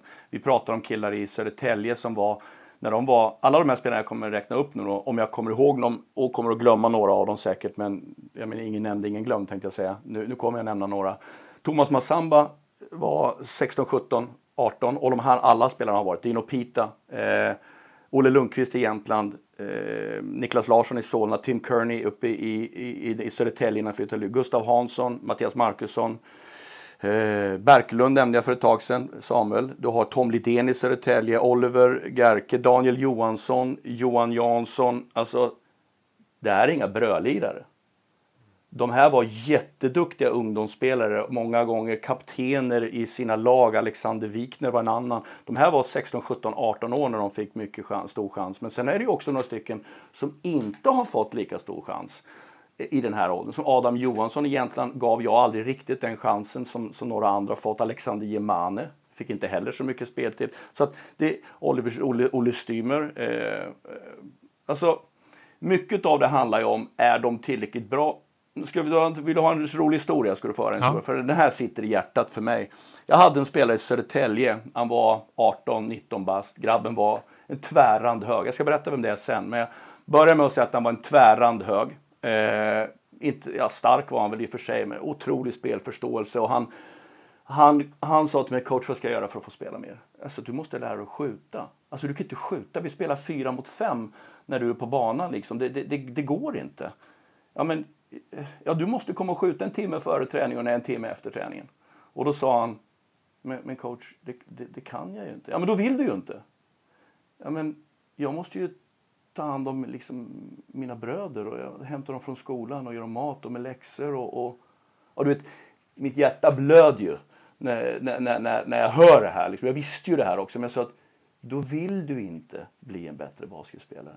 Utan du vill vara en bra familjebror, ta hand om din familj. Jag tänker inte värdera, förstå, jag tycker att du gör rätt. Men du kommer inte att bli en bättre basketspelare om du inte skjuter mer så att du kan vara på banan och vara ett hot. Punkt slut. Och du vet, alltså jag, jag mådde så dåligt efter det här. Liksom. Och sen, men något år, två, tre år senare så är grabben i Nässjö. Han är Karim Vassi var det här vi pratade om. Han blev lagkapten, han är ikon. Och antagligen en av de spelarna jag kommer att minnas för resten av mitt liv. För hans, hans insats, hans hjärta, hans vilja, hans... Men han var tvungen att prioritera vissa saker i sitt liv högre än basketen. Och det här är samma sak när vi tittar på... Jag ger aldrig en ung spelare minuter bara för att han är ung. De får minuter för att jag tror att de kan leverera på den här nivån och kommer att betala av sig om ett år eller ett, halv, eller ett, ett halvår eller kanske två år längre fram. Och det enda de får är kanske chansen att göra ett eller två misstag mer än exempelvis Artie Gwynn. Han, han får inte göra lika många misstag för att han, han borde veta bättre. Men i stora drag så tror jag att det handlar mycket om tillgång. Eh, har du unga spelare som är bra så får de spela. Kolla Stark i, i, i, i Norrköping, där lirar de honom. Kolla Pelle Larsson uppe i Luleå. Eh, kolla, eh, alltså det finns många exempel på, på, på coacher som har spelat. Jag har haft fler spelare som har varit bättre i ung ålder. Det är vad jag tror. Eh, och jag, jag tror det är viktigt. Jag tror att det, det Får jag säga att halv, det är en halvsanning mittemellan kanske vad jag sa och vad du sa. För att Fair enough. Någonstans är det så här perspektivet av som du säger att de kan ge dig någonting om ett år eller ett och ett halvt år. Det är ett perspektiv som inte alla coacher kanske lyckas ha. Utan det är mer, vad kan de ge för mig nu? Ja, men du får också komma ihåg att när jag gjorde det första gången så, så var jag ung och oerfaren i Södertälje. Men, men då hade vi halva laget, Mattias Görans, alltså det var hur många som helst duktiga unga spelare. Men sen hamnade jag i en situation när jag har hållit på och coachat i 8, 10, 12 år. Det är lättare för mig egentligen att säga Nej, nu, jag skiter i vad ni tycker och vad ni säger eller vad media säger och tycker. Nu, nu är det så här, det är det här som gäller. För att jag någonstans har en insikt, en självförtroende över att jag tror att inte jag kommer få sparken bara för att vi förlorar några matcher till. Utan, utan i slutändan så tror jag att det här kommer ge en positiv effekt. Jag menar, och det, det fick vi också för att det här året 16, 17, 17, 18. Min bänk bestod av eh, Daniel Johansson, Olle Lundqvist, Oliver Gerke, Gustav Hansson, Eh, Eh, jag hoppas jag inte glömmer här nu då. Eh, och även då Samuel Berglund som jag nämnde tidigare, Adam Johansson. Bänken bestod ju av 18, 19, 20-åringar liksom som, som hade de inte haft den här, de här möjligheten åren innan, då hade vi aldrig klarat det där. Alltså aldrig någonsin. Det här var alltså, de killarna som kom från bänken hade ju två, tre, fyra års erfarenhet, men de var fortfarande knappt 20 bast. Ja, men jag tycker det är intressant för du, du nämnde börsen förut. Jag har blivit löjligt intresserad av börsen. uh, och fr framförallt om uh, börspsykologi. Good luck, ja. Ja, och någonstans så säger de ju alltid där, du ska alltid trada, alltså köpa och sälja aktier. Ungefär som att du, du accepterar risken och du vet att det inte handlar om att förlora. Du ska inte vara rädd för att förlora. Och någonstans så drog jag direkt parallellerna till coaching där, för någonstans så säger du att ja, men du kan spela dem för du var inte riktigt lika rädd för att förlora jobbet. Och det kanske är lättare för dig att säga, men någonstans så är det jag tror att jag hade varit, och vi kopplar tillbaka till det här vem jag hade varit. Jag hade varit bättre coach om jag hade eh, inte varit lika rädd för att förlora. Eller inte lika rädd för att förlora jobbet. Mm. Då ska du få två svar på den. Och det ena är om du fick ett coachjobb nu och gick in och gjorde det så tror jag inte du skulle bry dig. Jag tror du skulle spela de unga ändå. För Exakt. att nu har du den pondusen själv. Samtidigt så kan man säga så här.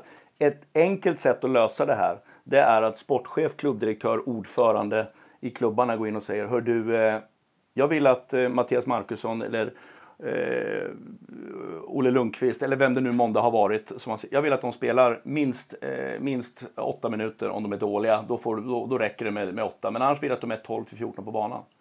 Ja, men jag vill... I, I don't care. Du får torska matcherna i sådana fall. Jag skiter om vi kommer trea eller sexa eller...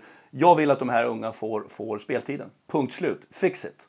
Alltså, då får du ett mandat av klubben som på något sätt tvingar istället för att känna om inte vi vinner liksom 15 av 30 matcher, då kommer jag få sparken.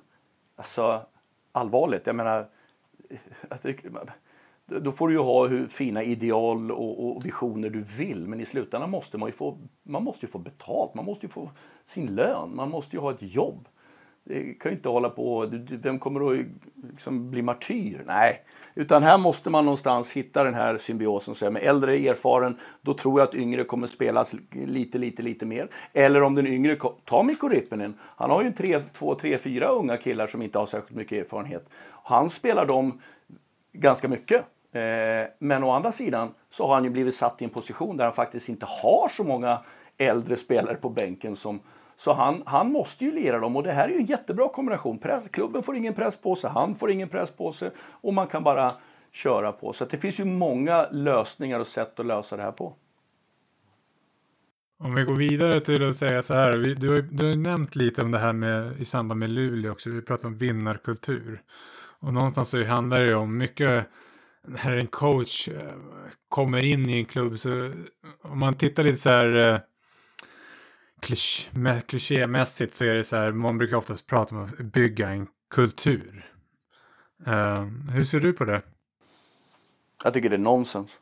Alltså när man börjar prata, det är rent det är bullcrap. Alltså by, bygga en vinnarkultur, vinnarkultur och vinnarmentalitet sitter hos individen. Hos människorna som, som, som det berör. Det finns ingenting som sitter i väggarna. Det är ren, om du, du, ni pratar mycket om det, liksom, ta, ta Södertälje har en vinnarkultur. Ja, för att människorna rent, runt omkring klubben och i klubben har en vinnarmentalitet och har alltid haft det. Om du tar bort, vad är det ni pratar om när det är så här, någon så här tecknad grej som tar man bort allting på jorden? Vad är det ni brukar säga på bänken? Jag har inte sett det själv.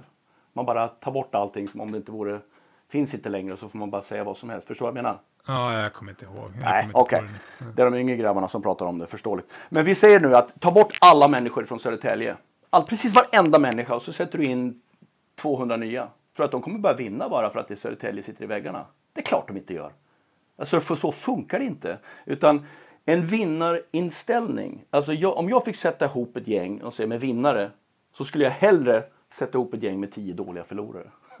Som hatar att förlora, kanske till och med mer än vad de gillar att vinna. För att det är just det, det här att, att ha en vinnarmentalitet innebär inte att du vinner guld eller vinner mest matcher. Utan vinnarmentaliteten den handlar om never give up, jag tar i, jag kämpar, jag är en, en, en vinnarskalle och, och så vidare. Eh, en vin och tillräckligt många vinnare tillsammans i ett lag skapar en, en vinnar skapar vinster. Förr eller senare så börjar man vinna matcher för att du har tillräckligt många bra spelare med en vinnarmentalitet, jobbar hårt och när du har vunnit tillräckligt många matcher då får du också en vinnarkultur runt omkring i publiken, åskådare du har eh, i styrelserummet och i, på kansliet och så vidare. Så att så i, i, min, i min värld handlar det om att, att sätta ihop en vinnarmentalitet. Jag menar, det är ungefär som att säga att Plannja, är, är det, har de en vinnarkultur? Ja, men när jag var där hade de inte det. För att på min tid när jag var där från början, då hade man inte vunnit någonting. Och, och, och sen helt plötsligt så fick de ihop ett gäng med massa vinnare, massa vinnarskallar och Dennis Aulander och Rosendal och Håkan Larsson och Eric. Alltså, du satte ihop väldigt många vinnarskallar. Jim, Jim Nys, alltså jag, det finns ju, där uppe kan vi prata om många som helst. Och sen så den här vinnarmentaliteten och den här fight och liksom det spred sig till publiken och man kände att nu är någonting på gång. Och så plötsligt vann man första guldet och så vann man andra. Nu har de en vinnarkultur. Och det har Södertälje och det har även Norrköping. Men det är för att det finns fortfarande folk kvar och liksom man har byggt någonting som börjar med, jag menar om du inte har en vinnarkultur, kommer du aldrig vinna då? Ja, men hur, hur, hur, ska, hur, ska då hur ska då Uppsala kunna vinna sitt första mästerskap? Eller Jämtland? Det är klart att de kommer vinna någon gång.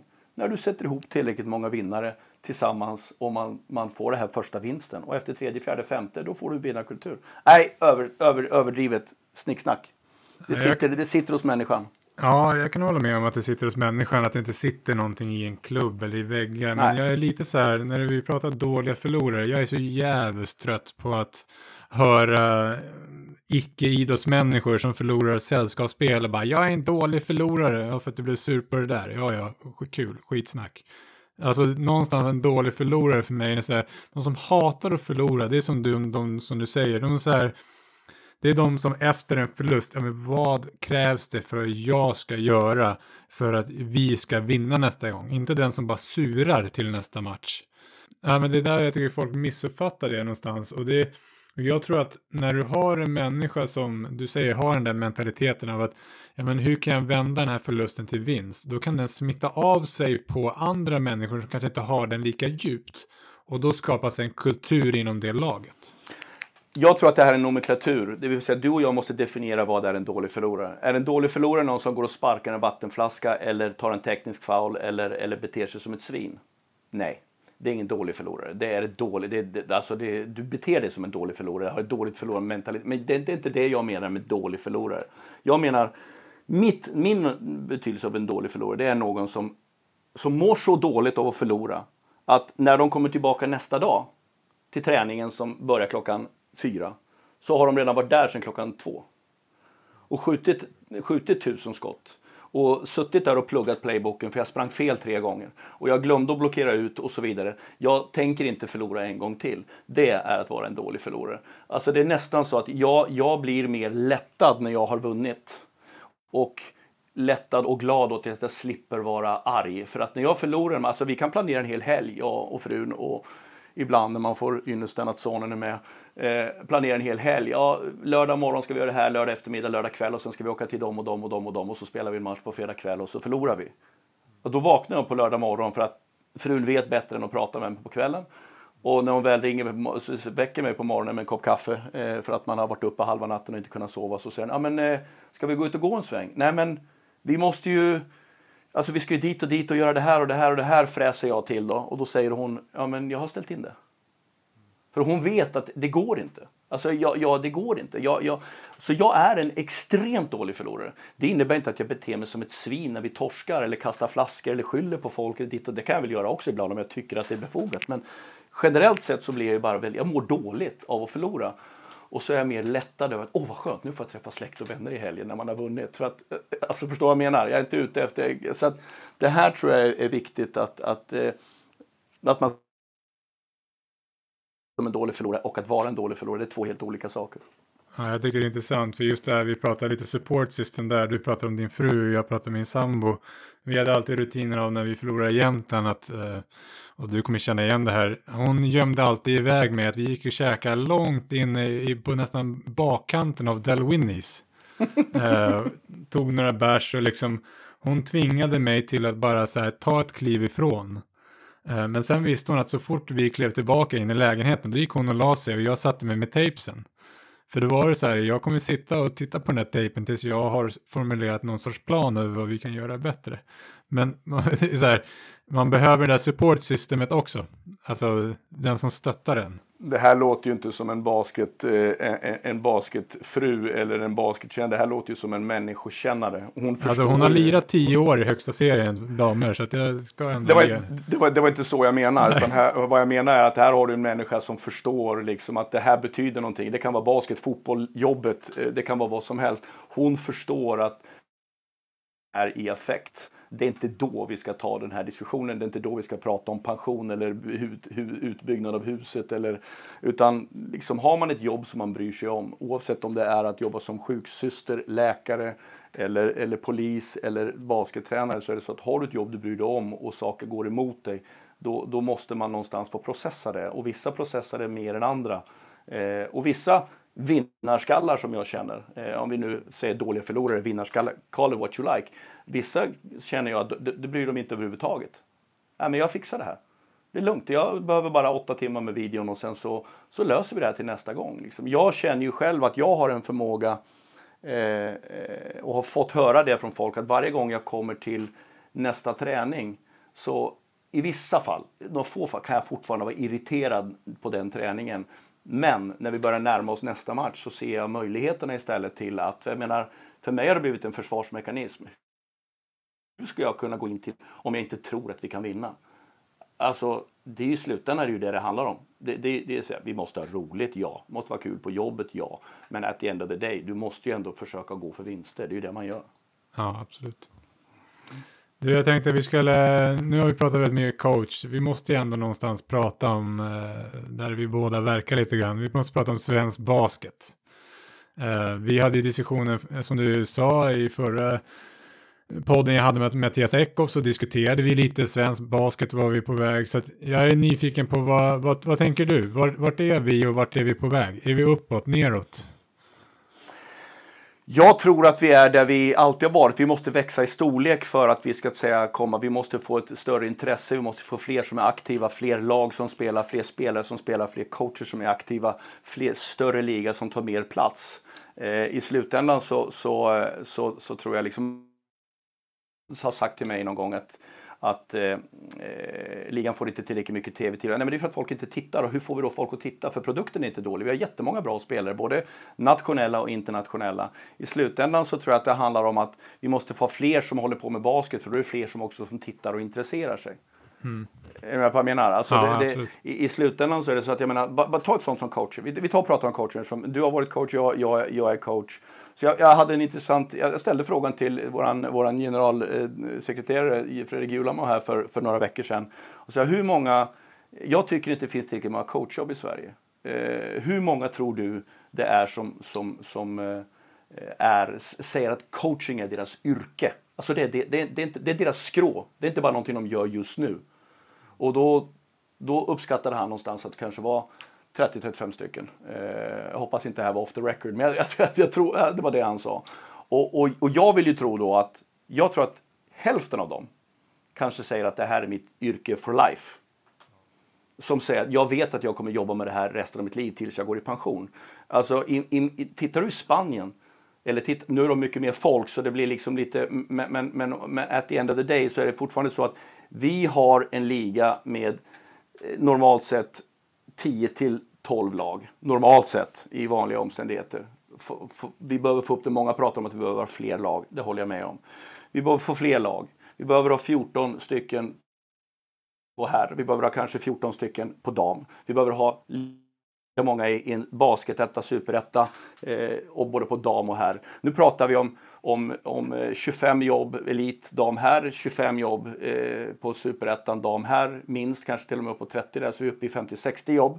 Och sen måste du ha assisterande coacher som är i, kanske halvtidsanställda på liganivå, både dam och herr, som må, kanske måste göra andra arbetssysslor i föreningen.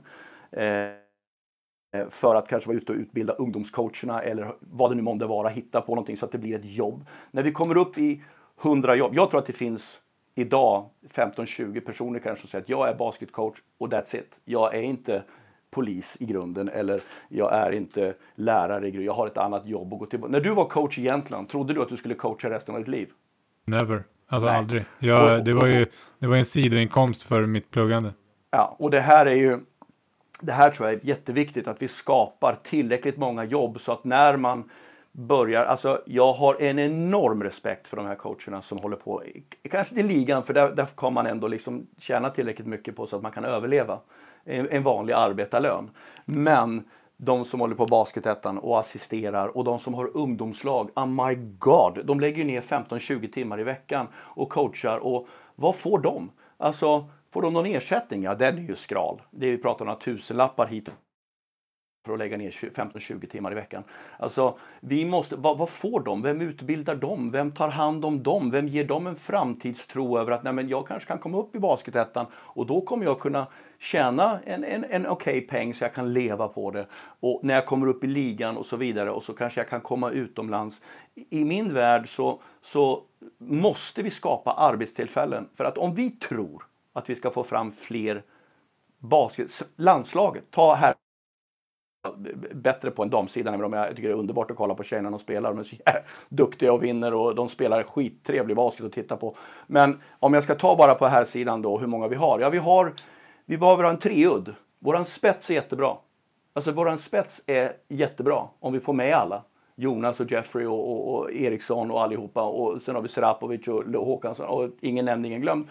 Men en eller två är borta och så är vi extremt sårbara. Eh, vi behöver då en, en, en, en treudd av det här. Vi behöver ha kanske 40 spelare som är så bra. Vart kommer spelarna ifrån? Växer de bara på träd? Eller är det så att när de är 14, 15, 16, 17, 18 så blir de lärda av någon? Ja, det är klart de blir. Det är ju coacherna som ser till att vi får fram spelare.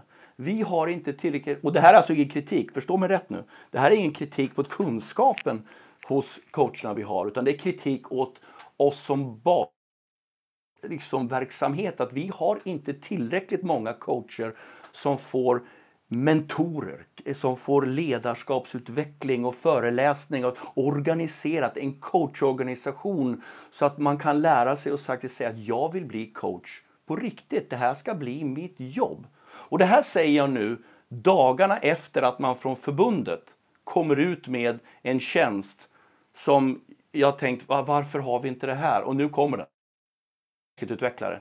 Alltså, det är det här vi behöver.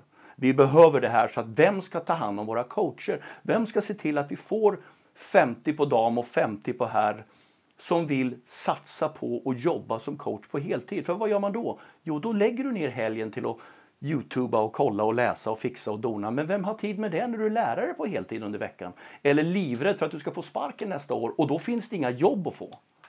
Är du med? Ligajobb, assisterande jobb, heltids på för headcoach och kanske deltid då för assisterande där. Niojobb, liojobb, rigjobb. Ja, nu ska ni göras om eller försvinna bort har jag inte riktigt insatt i exakt hur det kommer se ut. Men vi måste ha 100 jobb, heltidsjobb. Inte 35 och vad jag tror kanske är 15-20 av dem som egentligen ser det som sitt yrke. Från 20 till 100. När vi får 100 coacher som satsar på det här, då kommer vi också tredubbla eller fyrdubbla mängden bra spelare. När du får så mycket bra spelare så har du fler föräldrar, fler vänner fler grannar och släkt och så vidare. Då har du fler som människor som tittar, du får fler sponsorer och du skapar ett intresse. Vi pratar 10-20 år framåt. Så lång tid kommer det ta. Men det är det vi har pratat om, va? ett maraton. Alltså vi måste börja någonstans för att skapa och generera ett större intresse framledes. När jag, när jag dör, vilket jag hoppas om 30 år, då, då, eller hoppas om 30 år, minst 30 år till, 40 år till känner jag nu, jag är inte ens, eh, då, då tror jag att liksom, då skulle vi kunna vara någonstans. Mm. Ja, det är så lång tid det tar, men man måste börja någonstans. Alltså allting, jag håller med, allting tar tid. Och jag, jag har pratat om det förut. Jag tycker att det, vi behöver en, en satsning på coacher. Och en del av, vi pratade om det här innan. Mitt syfte egentligen med att göra den här podden, det är ju egentligen att jag vill intervjua coacher för att jag vill att andra coacher och andra människor ska få höra, få insikt i eh, elitcoacher, men även, jag kommer även inte bara ta elitcoacher utan eh, andra coacher från andra nivåer och få en insikt i deras värld och hur de tänker, vad de har gått igenom, vad de har fått lära sig och någonting att se. För att jag tycker någonstans att där finns det en brist. Att det finns en brist i informationen. Jag personligen när jag coachade, jag hade älskat att få höra den här podden. Nu tänker jag inte säga, alltså det är lite självskryt, dumt att säga så kanske, men jag hade velat ha information, jag hade velat höra en intervju med de bästa coacherna för att, ja vad fan, vad, vad säger de, vad lär de? Vi har inte, på den tiden så var det så här, man beställde gamla böcker med Dean Smith och vad fan som helst, alltså man försökte få tag på allt. Den gamla Clinics på DVD och, och jag tycker också att det krävs en öpp, mer Alltså vi är konkurrenter på plan, jag fattar. Men någonstans så, så måste vi kunna tänka som coacher också att vi är svensk basket. Och mm. hur kan vi dela med oss? Mm. Jag hör precis vad du säger och jag har lyssnat på folk säga det här tidigare också men någonstans inte kommit med några konkreta saker. Det här det är konkret som en lösning nu, det här med basketutvecklare. Jättebra hjälpa klubbar och coacher med att utbilda de yngre och skapa någon sån typ av modell. med de där enskilda personerna på, på antagligen två stycken man söker tror jag, en på dam och en på herr misstänker jag, utan att ha frågat eller kollat. Så, eh, så, så är det så att det här är ju bara början. Sen måste det skapas mentorskapsgrupper. Det måste skapas, alltså under min tid, jag hade ju tur var Jonte Karlsson som brydde sig om mig. Jag hade ju turen att ha Brad Dean och, och, och, Rolf Nilsson och Charles Barton och de här som brydde sig, Kelly Grant faktiskt också nu, ska jag nämna honom eftersom han sorgligt gick bort här för en kort stund sedan. Så det har ju funnits jättemånga som har brytt sig om mig, John Dinkelman, som har brytt sig om mig, engagerat sig och försökt ge mig. Men de, de som inte har de kontakterna som jag har, vem får de hjälp av? Alltså vem hjälper dem? Vi måste skapa, vad är det vi vi behöver ha clinics som är för Sverige. Inte som kommer ifrån Spanien eller som kommer från Grekland eller Tyskland eller Frankrike. Vi behöver någonting som är för oss, som är från våra coacher, som förstår oss och våra tider och våra, alltså eh, samhället hur det funkar och liksom de här skrivna och oskrivna reglerna. Vad får vi och inte får göra? Clinics, mentorskap, eh, ha föreläsningar, på nätet. Och nu har de en massa webbinarier. Det händer ju mycket i Sverige nu så jag har, inte, jag har varit borta ett tag så jag har inte riktigt tänkt med. Eh, men nu är jag hemma igen och ser de här sakerna och då, då, då är det ju liksom ändå eh, ett, ett steg i att skapa. Vad är det vi vill bygga? Vad är det vi vill skapa? Och att coacherna själva. Jag vet att det finns några coacher som brukar träffas eh, varje sommar i, i Norrköping med Johan Lindkorken och, och, som brukar samla ihop en, och ha tydligen jättetrevligt. Så här behöver ske överallt hela tiden. Och att man Plannja säger, nej men Luleå, de, de, BC Luleå, de, de kommunicerar ut att vi vill att ni kommer på de här träningarna med de här coacherna för då kommer våran coach hålla föreläsningar, clinics eller frågestunder eller vad det nu är. Vi måste skapa det här mer för att skapa en bättre kunskap, fler jobb, större möjligheter för att hjälpa våra spelare att bli bra. Vad gör en extrem talang som bor någonstans mitt ute i landet där det inte finns någon bra coach eller bra motstånd? Ska han bara försvinna? Alltså, no, han måste ju plockas upp. Och, och, det måste ju ske av coacher. Så enkelt är det. Okej, okay, men mycket, just nu så sker det ganska mycket diskussioner kring landslaget och folk som nu har Hugo Lopez kontrakt går ut. Och det är så att det ändå finns en diskussion om det är så att man ska förlänga eller inte. Hur ser du på det här med förbundskapten för svenska herrlandslaget? Eh, specifikt i det här fallet så, så Hugo Lopez vara eller Hugo Lopez inte vara är för, för mig relativt ovidkommande från honom som person. För mig så har det alltid varit så att en svensk för, en, en, ett svenskt landslag ska ha en svensk förbundskapten när vi har möjligheten att ha det. Det, det, det, tycker jag borde vara en tumregel. Alltså spelarna, det är det mest stolta grejen du kan få göra och spela för landslaget. Det är detsamma för coacher. Självklart så tycker jag att har vi kompetensen i, inom svenska gräns, Sveriges gränser så ska vi ha en, en, en svensk förbundskapten. Punkt slut. Eh, det är lika stor ära för coacher som det är. Alltså det är väl den största äran du, du kan få. Alltså det är hedersamt att få coacha ett annat landslag för ett annat land. För att de faktiskt ger dig den. Och det är en, en jättestor Eh, heder och ära att få, få coacha för, för, för NBA och så vidare. fick jag välja mellan NBA och landslaget så skulle jag nog välja NBA för att man skulle få mer betalt. Och det skulle vara... Men det finns ju inget mer hedersamt uppdrag än att få coacha det svenska landslaget. Alltså det finns ju ingenting större. Och det tror jag också är jätteviktigt för att man, man kan spela, man känner spelare, man har kultur och alltihop. Har vi kapaciteten i Sverige vi ha en svensk förbundskapten. Punkt slut. Det, det, är min ståndpunkt. Och jag tror också att vi behöver det för att det budskapet vi har skickat ut till Europa är att de senaste 17, 18, jag vet inte, 19 åren så har man någonstans skickat ut att vi i Sverige har inte tillräckligt bra coacher för att coacha vårt eget landslag. Alltså det är ju indirekt det, det budskapet man skickar. Vilket då ställer vi oss undrande till varför har vi inte fler coacher utomlands? Alltså, hallå, det, det, de förbundskaptenerna som har fått gå utomlands, liksom, det är de som har varit förbundskaptener också mycket. Eh, i våra, alltså Janne Enjebo var den sista som fick ett utlandsjobb på här sidan. Eh, och sen så har du Eh, liksom Vedran Bosnic har kommit ut och, och så vidare. och Så vidare. Så, att, så att det, det, är viktigt. Det är det största, viktigaste och finaste skyltfönstret för coacher. Och det är lite grann det vi pratar om. Plus att varför, ska vi, varför tar vi inte några utländska spelare då? Som alla andra länder köper in någon och, petar in och så vidare. Men det är klart att vi ska ha en svensk förbundskapten. Tycker jag. Mm. Om vi säger vidare med svensk coach för, för, för svenska herrlandslag. Har du själv varit aktuell? Ja, ja, det var jag. Jag var aktuell eh, efter Kostas Flevarakit så var jag en av dem som var aktuell eh, för att få jobbet eh, och sökte också. Och dessutom var jag det efter Brad Dean. Jag hade assisterat honom i fyra, fyra år eh, och sökte och fick det inte då heller. Eh, och någonstans så ha sikt. Alltså, take a hint for God's sake. Har jag inte fått jobbet två gånger eh, så kanske då, kanske jag inte ska söka det en gång till. Eh, enough's enough.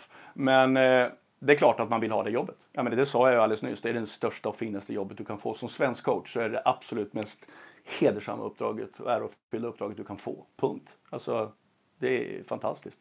Men ja, det, var, det har varit. Men eh, jag vill inte påstå att jag ligger någon frontrun för att få det. Och det är inte det det här handlar om, utan det handlar om att få in. Vi har massor med bra coacher och har haft väldigt länge. Vi har haft en isländsk förbundskapten i Peter Ökvist. Vi har Henrik, Henrik eh, Svensson nere i, i Borås. Vi har två nya unga grabbar som inte är jätteunga och färska. Alltså Ludde är inte ung, för han har hållit på länge. Och du har Ludvig Degernäs i Södertälje och så har du Mikko Rippinen. Det finns jättemånga bra alternativ. Så att eh, när eh, när det ska ske, om det kanske är efter eh, ett VM-kval här nu eller om det sker bara ta hand om våra, våra unga svenska coacher som är duktiga. Ge, ge de unga svenska coacherna chansen. Eh, unga måste det inte vara förstås, utan det, det är någon svensk coach. Eh, och det säger jag inte bara för att jag skulle vilja ha det. Skulle jag bli tillfrågad, skulle jag ta det? You bet your ass. Du Tobbe, jag kommer säga så här, vi, vi ska börja runda av nu. Så jag, det här, jag tycker det var en fantastiskt intressant diskussion och, och fått höra eh, allt det här. Jag har en sista sak som jag ska avsluta med. Och det är så att jag har ju en poddkollega, Nick. Um, som jag säger så här, han har ganska djupa Nick, Nick, Nick who? Nick Rajacic.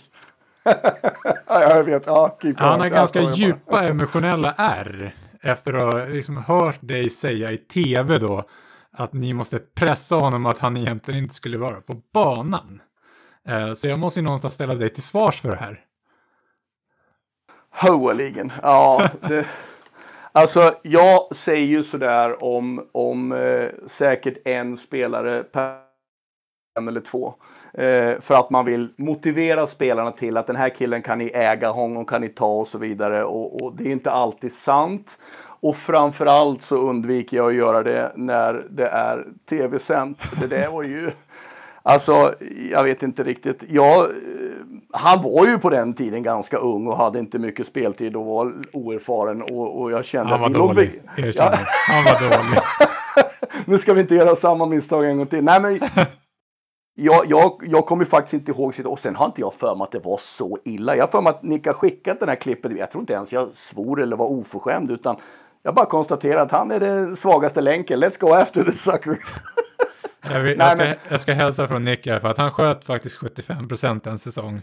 Äh, ja, nej men alltså alla, alla, alla spelare för, förtjänar ju förstås respekt och, och på ett sätt, det ska ju inte förlöjligas på något sätt och det tycker jag inte ens han meriterade att bli. Men i slut handlar ju faktiskt inte om motståndarlaget. Det handlar inte om någonting annat än att jag försöker få mitt lag att göra någonting för att vinna matchen. Eh, så nej, det var, det var, eh, vi, kan väl bara säga att den, den, den får ligga där som en sån här liten eh, talking point. Och jag tror inte att ni, det känns inte som Nicks eh, ego har, har drabbats av det, eller vad säger du?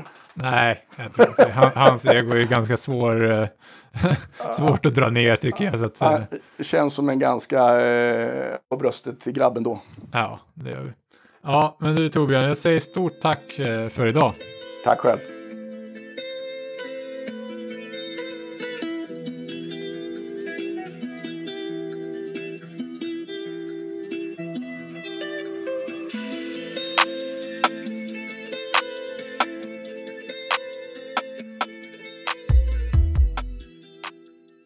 Du har precis lyssnat på det andra avsnittet av Time Out, en podd där vi diskuterar coaching. Intromusik Max Moreau, deltagare Torbjörn Gerke och jag Henrik Johansson. Produktion Tyvärr Henrik Johansson denna gång, även om vi hade behövt kanske Addis Nimmerstam den här gången. Tack för att ni lyssnar. Bänkvärmarna finns som vanligt på sociala medier under Bänkvärmarna SE och följ oss på diverse streamingtjänster. Och glöm aldrig att bänken aldrig ljuger.